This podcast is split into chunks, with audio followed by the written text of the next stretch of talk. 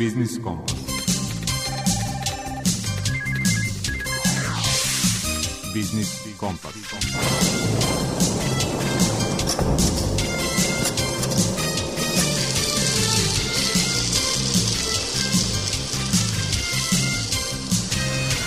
Pred mikrofonom je Đuro Vukilić. Dobar dan poštovani slušalci. Vreme je za Biznis Kompas i posle praznične pauze za stalne rubrike na koje smo navikli. Evo ukratko i sadržaja emisije.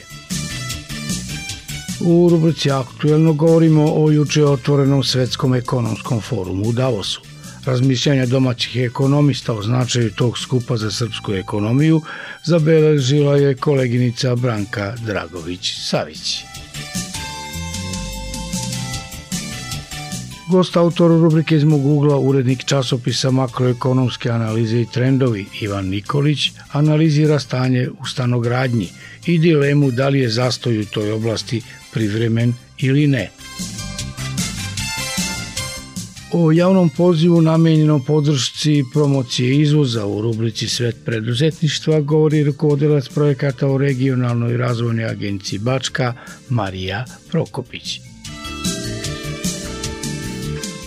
O mešovitom osiguranju života kao najzastupljenijem proizvodu među životnim osiguranjima u rubrici Predmet financije govori Jelena Lončar iz Odeljenja za prudencijalni nadzor u Narodnoj banci Srbije. Dočeka smo da zaživi i registar pod nazivom Ne zovi, čiji smisao je da vas oslobodi neželjenih, najčešće i agresivnih prodajnih kampanja trgovaca i agencija – Kako funkcioniše, objasnit će nam predsjednik Udruženja za zaštitu prava potrošača Prosperitet, Radomir Ćirilović. Čuli smo uvodnu najavu, poslušajmo i prve muzičke taktove za danas.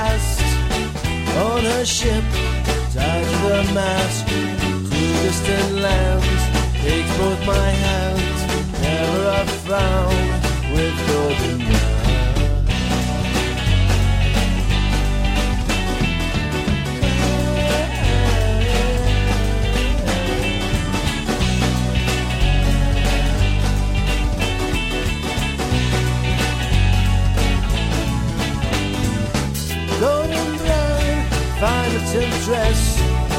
Through the ages, she's heading west.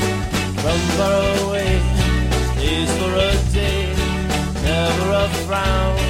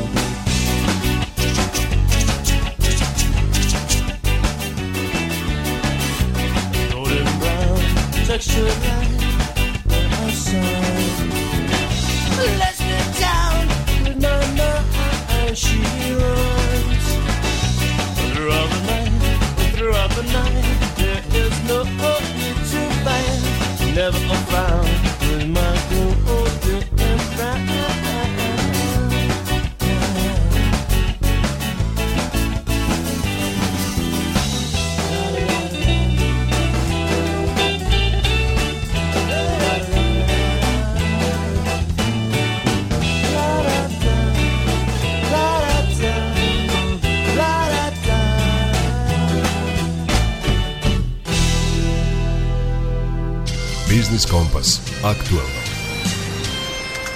Uspostavljanje dijaloga i smanjivanje tenzija u uslovima globalne krize i dva rata te zaštita životne sredine ključni su izazovi i teme ovogodišnjeg svetskog ekonomskog foruma u Davosu koji se održava od 15. do 19. januara.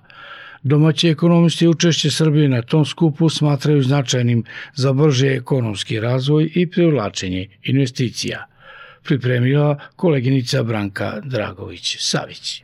Na Svetskom ekonomskom forumu okupit će se ljudi iz ekonomije, biznisa, investitori, političari i novinari, a suština skupa u Davosu biće da se traži rešenje koje će voditi ovu civilizaciju u bolju budućnost, kaže profesor FEFA Nebojša Savić.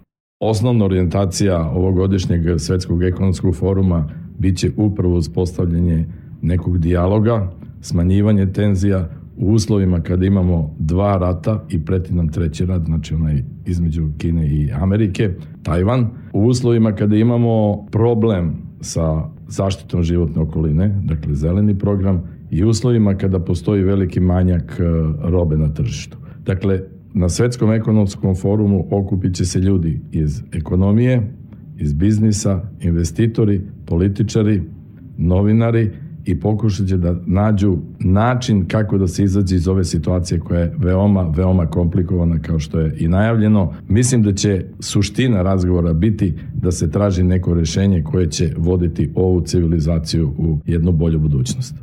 Prema njegovim rečima, Srbija forum u Davosu može da iskoristi za svoju promociju, posebno kad je reč o ekonomskom aspektu.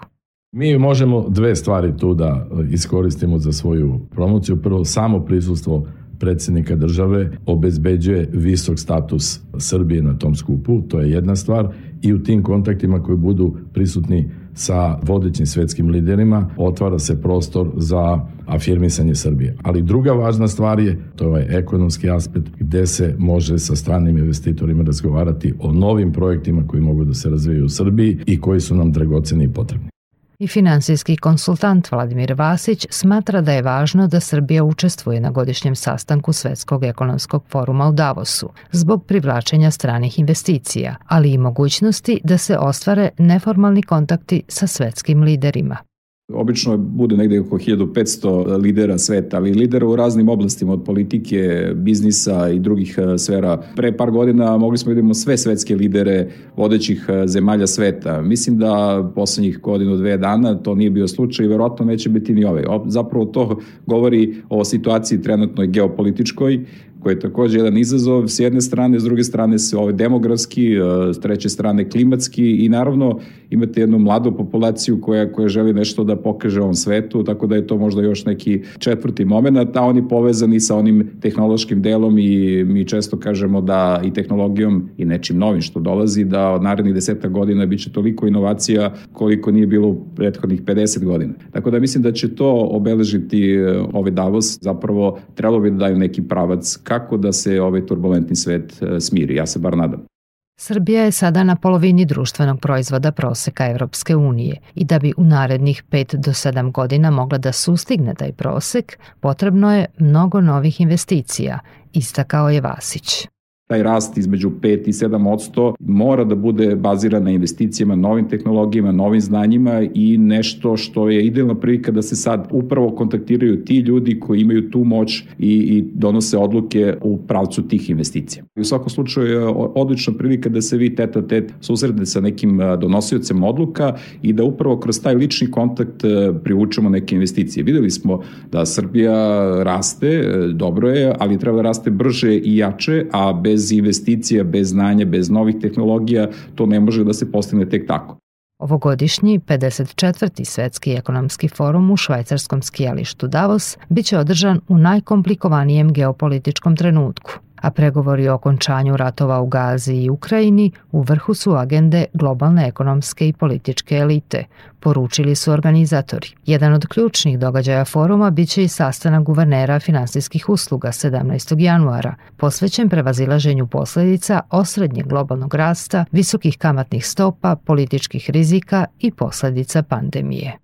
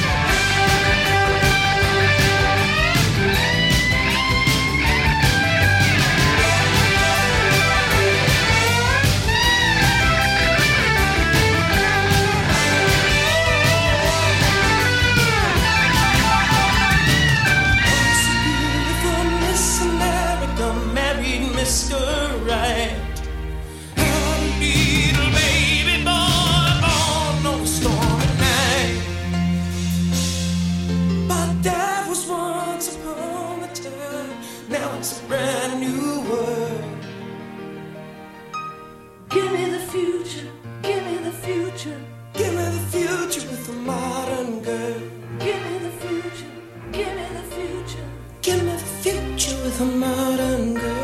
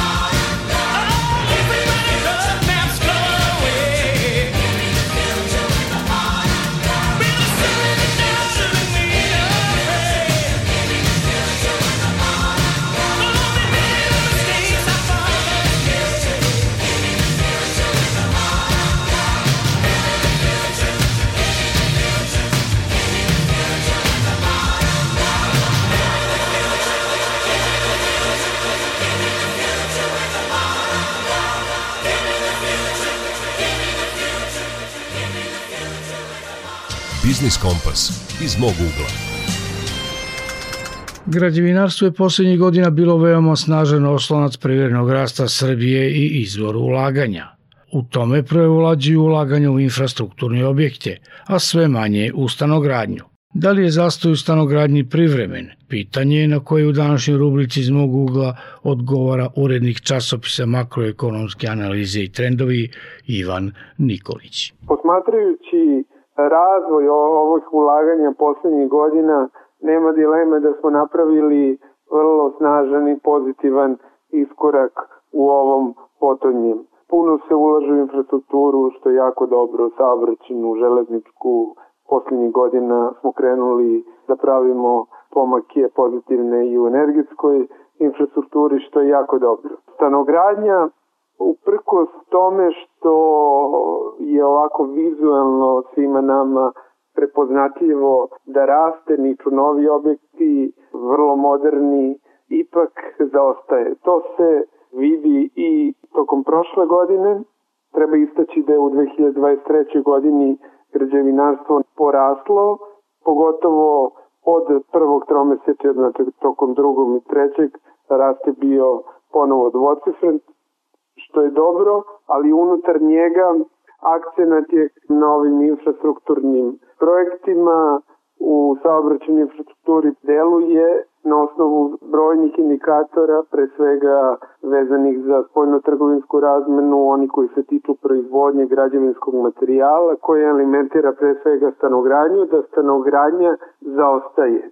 U 2023. to je posebno bio slučaj u drugom i trećem tromeseču vidjet ćemo šta će nam podaci doneti za poslednji kvartal, ali jednostavno imamo malih problema kod stanogradnje. Zašto se to dešava? Ili odakle potiče taj problem? Naravno, i zdravodrazumski nekako je problem lociran na strani tražnje. Poslednjih godina kao i u okruženju, kao i između ostalog i u Evropi, cene kvadrata, pogotovo u novogradnji, su otišle u nebese. Mnogo brže su cene rasle od e, rasta prosečne zarade, odnosno standarda i jednostavno makoliko se čini da ima dovoljno kupaca za te novo izgrađene stanove, čak i starije i među ostalog, ipak na osnovu ovih poslednjih podataka vidimo da je ovde sada već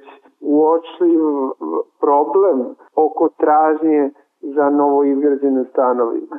On se još uvek ili makar blago reflektuje na samu cenu te novogradnje, one i dalje čak rastu, u trećem tromesečju zabeležen i dalje rast, samo ne takvim tempom kao što smo imali do tog trenutka, ali je još uvek interesantno da cene rastu. Mislim da će upravo ovaj trend e, koji sam nagovestio ili makar je sad potpuno jasno i uočljiv, rezultovati najpre u zaustavljanju cena u sektoru novogradnje, a moguće čak i da se trend preokrene. To je nešto što, što je gotovo izvesno. Stanogradnja, vraćam se na sam onaj početak, je jako bitna i država mora da podjednako vodi računa i o tom segmentu građevinarstva. Naravno da se stanogradnja uvek pripisuje tržištu i nekim tokovima na koje država ipak manje utiče. Ali setimo se onih godina kad smo imali zaista jedan značajni pomak u stanogradnji, a on je bio lociran i u periodu kad je država pokušavala da pokrene stanogradnju i sa onim stanovima koji su bili subvencionisani za mlađe parove i za one koji su za kupovinu prvog stana. Čak i Narodna banka i u prošloj godini, ako se sećate, donela jednu meru koja je bila uh, upravo time motivisana da postakne ili olakša makar kupovinu prvog stana. Mislim da se politika mora, ekonomska politika voditi upravo u tom pravcu.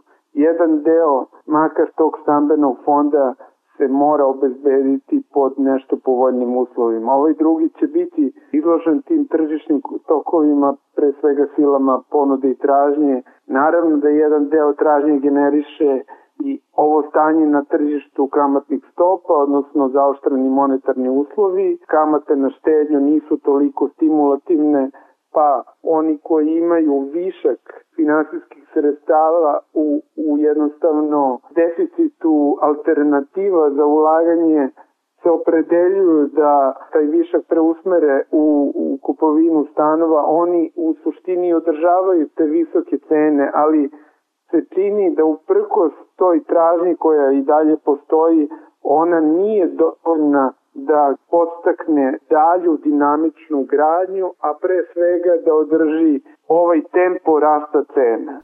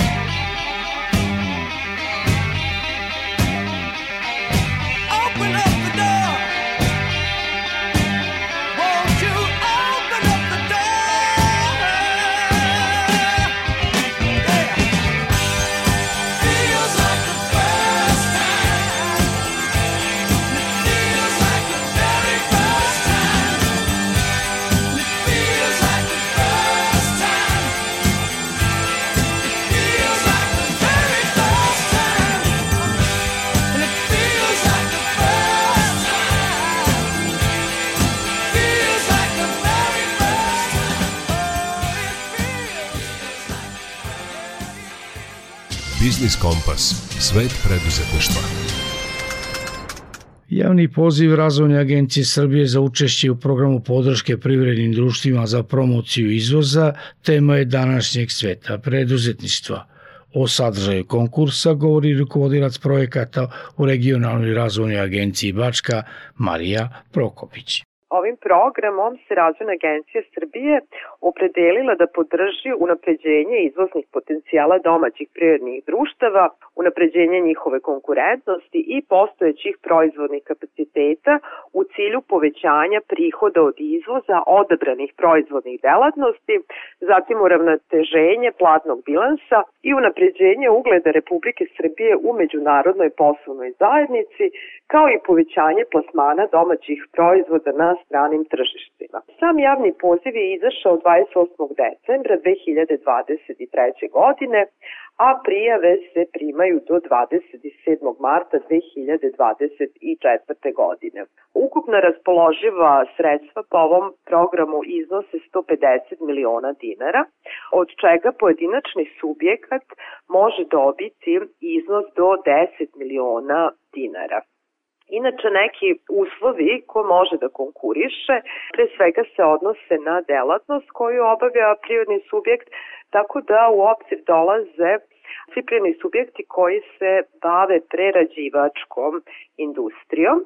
Zatim postoje i neki specifični uslovi kao što su tehnički kapacitet, znači podnosilac prijave mora da posjeduje važeći sertifikat sistema kvaliteta ISO 9001, u zavisnosti od delatnosti neophodno je i posjedovanje implementiranog sistema za bezbednost hrane HCCP i u suštini bitno je i da je registrovan do 1. januara 2020. godine, zatim da je izmirio dostale obaveze po osnovu poreza i doprinosa, da nije u teškoći u skladu sa pravilima za dodeli državne pomoći, da nije povezan sa kupcem ili potencijalnim kupcem, takođe da ima minimum 15 zaposlenih lica u radnom odnosu na dan objavljivanja javnog poziva, kao i da je ostvario prihod od prodaje u toku 2022. godine koji je ne manji od 35 miliona dinara.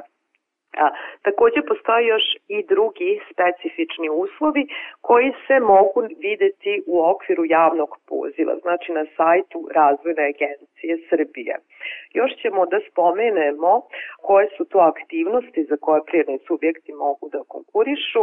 To je pre svega konsultantska podrška za potrebe kreiranja razvojne strategije, pozicioniranja na tržištu, zatim konsultantska podrška za aktivnost izvoznog marketinga, zatim ulazak na ciljno tržište i unapređenje pozicije. Na istom što podrazumeva sticanje atesta, homologacije, sertifikacije proizvoda i proizvodnih procesa, ulistavanje jednog ili više proizvoda u trgovinske lance, ulistavanje jednog ili više proizvoda na globalne online prodavnice ili specializovane online prodavnice, zatim konsultantska podrška za unapređenje izvoznih sposobnosti, pri čemu se misli na provođenje jedne ili više obuka u cilju sticanja znanja u vezi sa prodajom na inostranom tržištu, zatim samostalno izlaganje na međunarodnim sajmovima i poslovnim susretima i unapređenje proizvodne sposobnosti.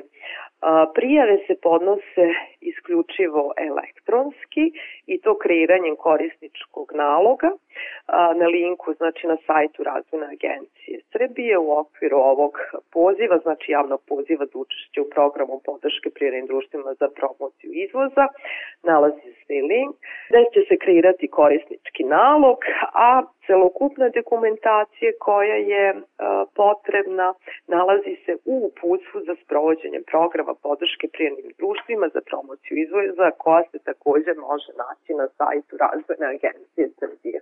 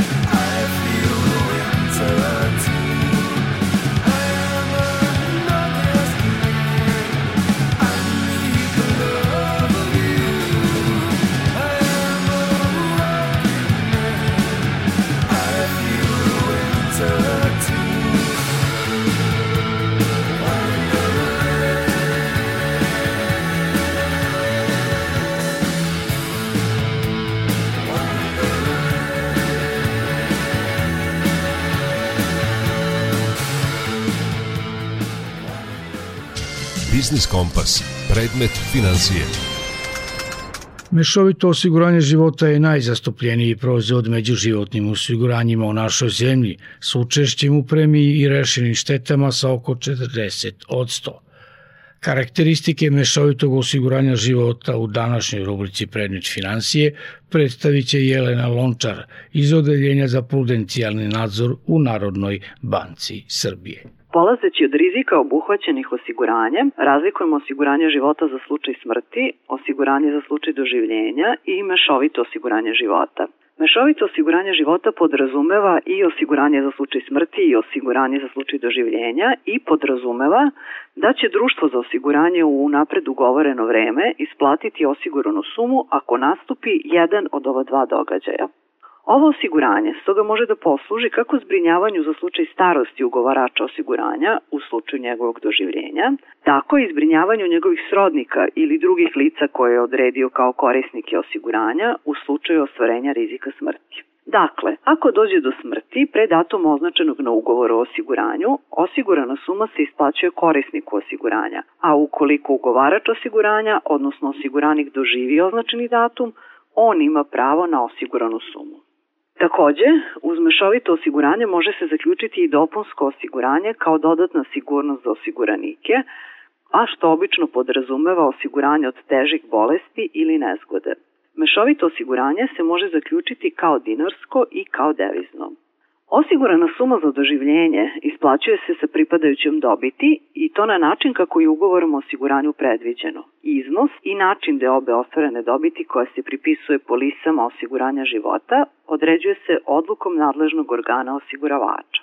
Ovde je potrebno naglasiti da se pod pojmom dobiti ne podrazumeva neto dobit koju je ostvarilo društvo, već da osnovicu za obračun može činiti više faktora, kao što su, na primer, razlika između više ostvarenih finansijskih prihoda u odnosu na kamate koje su uključene u obračun tarife osiguranja, zatim manja realizovana smrtnost od obračunima predviđene i slično. Zbog toga, društvo za osiguranje mora pre zaključenja ugovora o osiguranju ugovarača obavestiti o informacijama koje se odnose na sam ugovor o osiguranju života, a posebno o osnovici i kriterijumima za učešće u dobiti i načinu i rokovima za isplatu učešća u dobiti. Zatim o tabeli otkupnih vrednosti, o uslovima za ustvarivanje prava na kapitalizaciju ugovora i pravima iz takvog osiguranja i slično. Takođe, veoma je važno da ugovarač osiguranja uloži napor da se informiše pod kojim uslovima mu se nudi da zaključi ugovor o osiguranju. Osigurana suma može biti isplaćena u jednokratnom iznosu ili u obliku rente u određenom periodu. Kada se osigurani slučaj dogodi, osiguravač je dužan da isplati deo ili celu osiguranu sumu određenu ugovorom u roku od 14 dana. Taj rok računa se od dana kada je osiguravač dobio obaveštenje da se osigurani slučaj dogodio, odnosno od dana kada je podnet zahtev za isplatu naknade iz osiguranja. Ako za utvrđivanje postojanja obaveza osiguravača ili njenog iznosa potrebno izvesno vreme. Ovaj rok počinje da teče od dana kada je utvrđeno postojanje osiguravačeve obaveze i njen iznos. Ugovarač osiguranja života može u ugovoru, kao i nekim kasnijim pravnim poslom pa i testamentom, odrediti kome će pripasti prava iz ugovora, odnosno kome će biti isplaćena osigurana suma. Korisnik ne mora biti određen po imenu, već je dovoljno da budu sadržani podaci koji su potrebni za njegovo određivanje. Osim pomenutog, ugovarač osiguranja može i pre isteka ugovora o osiguranju zatražiti otkup polise, ukoliko su plaćene godišnje premije, čiji je broj određen samim uslovima osiguranja, a najčešće se radi o najmanje tri godišnje premije osiguranja. U ovom slučaju, ugovaraču se isplaćuje određena osigurana suma, čiji je iznos naveden na samoj polisi, a predviđen je za svaku godinu raskida tog ugovora osiguranja. Svako društvo za osiguranje utvrđuje uslove pod kojima se otkup polise, odnosno raskid ugovora, može izvršiti. Osiguranici najčešće traže otkup polise usled finansijskih problema, nezadovoljstva sa saradnjom sa društvom i sl. Takođe, društvo za osiguranje može po zahtevu ugovarača isplatiti sredstva iz osiguranja i po predujma, što podrazumeva isplatu napred dela ugovorene osigurane sume, a sam ugovor o osiguranju se u tom slučaju ne raskida.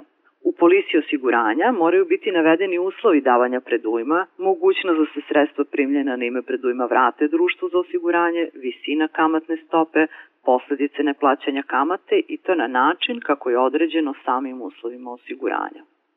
Mešovito osiguranje života predstavlja najzastupljeniji proizvod životnog osiguranja u našoj zemlji sa učešćem ukupnoj premiji i rešenim štetama svih životnih osiguranja od oko 40%. Prema podacima za 2022. godinu, na tržištu osiguranja u Srbiji zaključeno je oko 230.000 polisa mešovitog osiguranja sa ukupnom premijom od 11,5 milijardi dinara. U istom periodu isplaćeno je oko 24.000 šteta u iznosu od 7,6 milijardi dinara. Prosečna premija u petogodišnjem periodu za mešovito životno osiguranje iznosi 45.000 dinara, dok prosečno rešena šteta iznosi 282.000 dinara.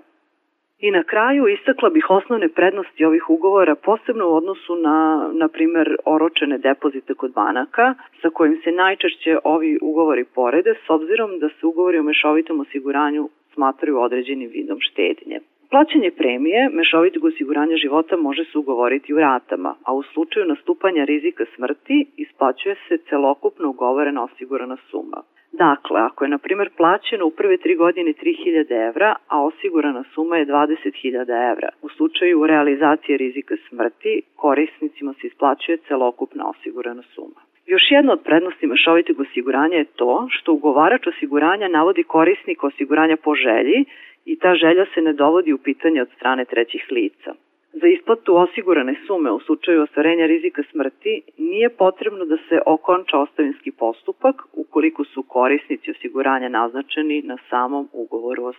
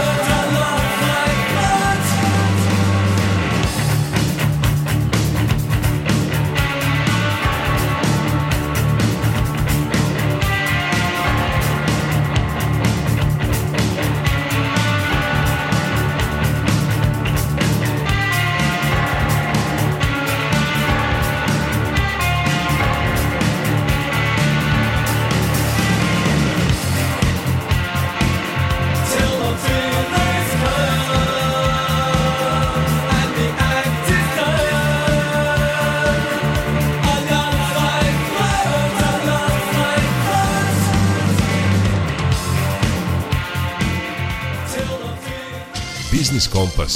Potrošačka korpa prava.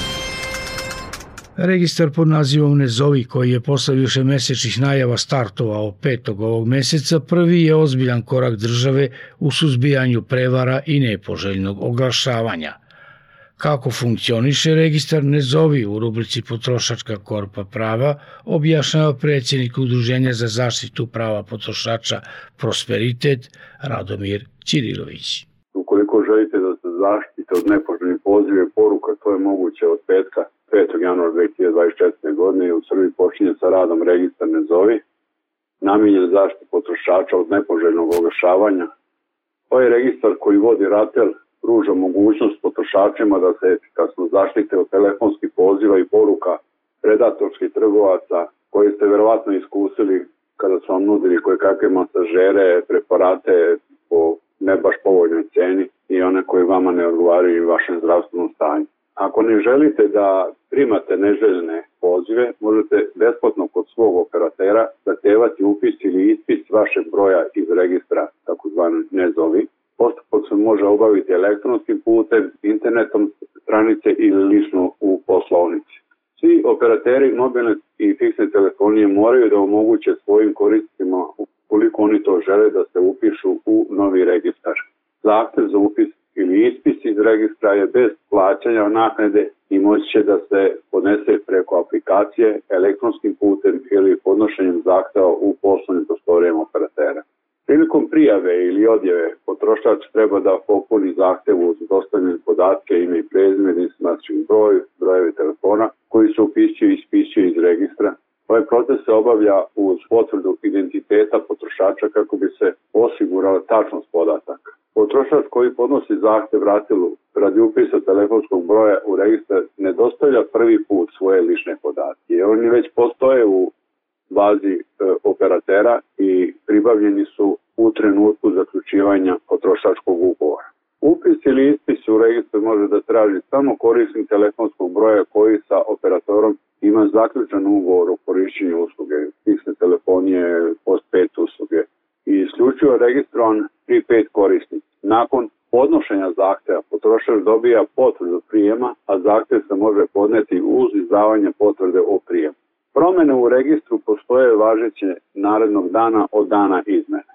Ako promenite operatera ili prenesete broj telefona, nije potrebno ponovo podnositi zahtev za upis Kako proveriti registar brojeva? Trgovci mogu proveriti brojeve telefonom, elektronskim putem, bez registracije ili uz registraciju putem korisničkog imena i lozinke. Potrošači mogu proveriti registrovane brojeve putem internet stranice nadležnog regulatornog tela za elektronske komunikacije www.ratel.rs Deo registra koji se odnosi na broje telefona i datum upisuje javan, dok se ostali podaci čuvaju privatno prethodna data saglasnost.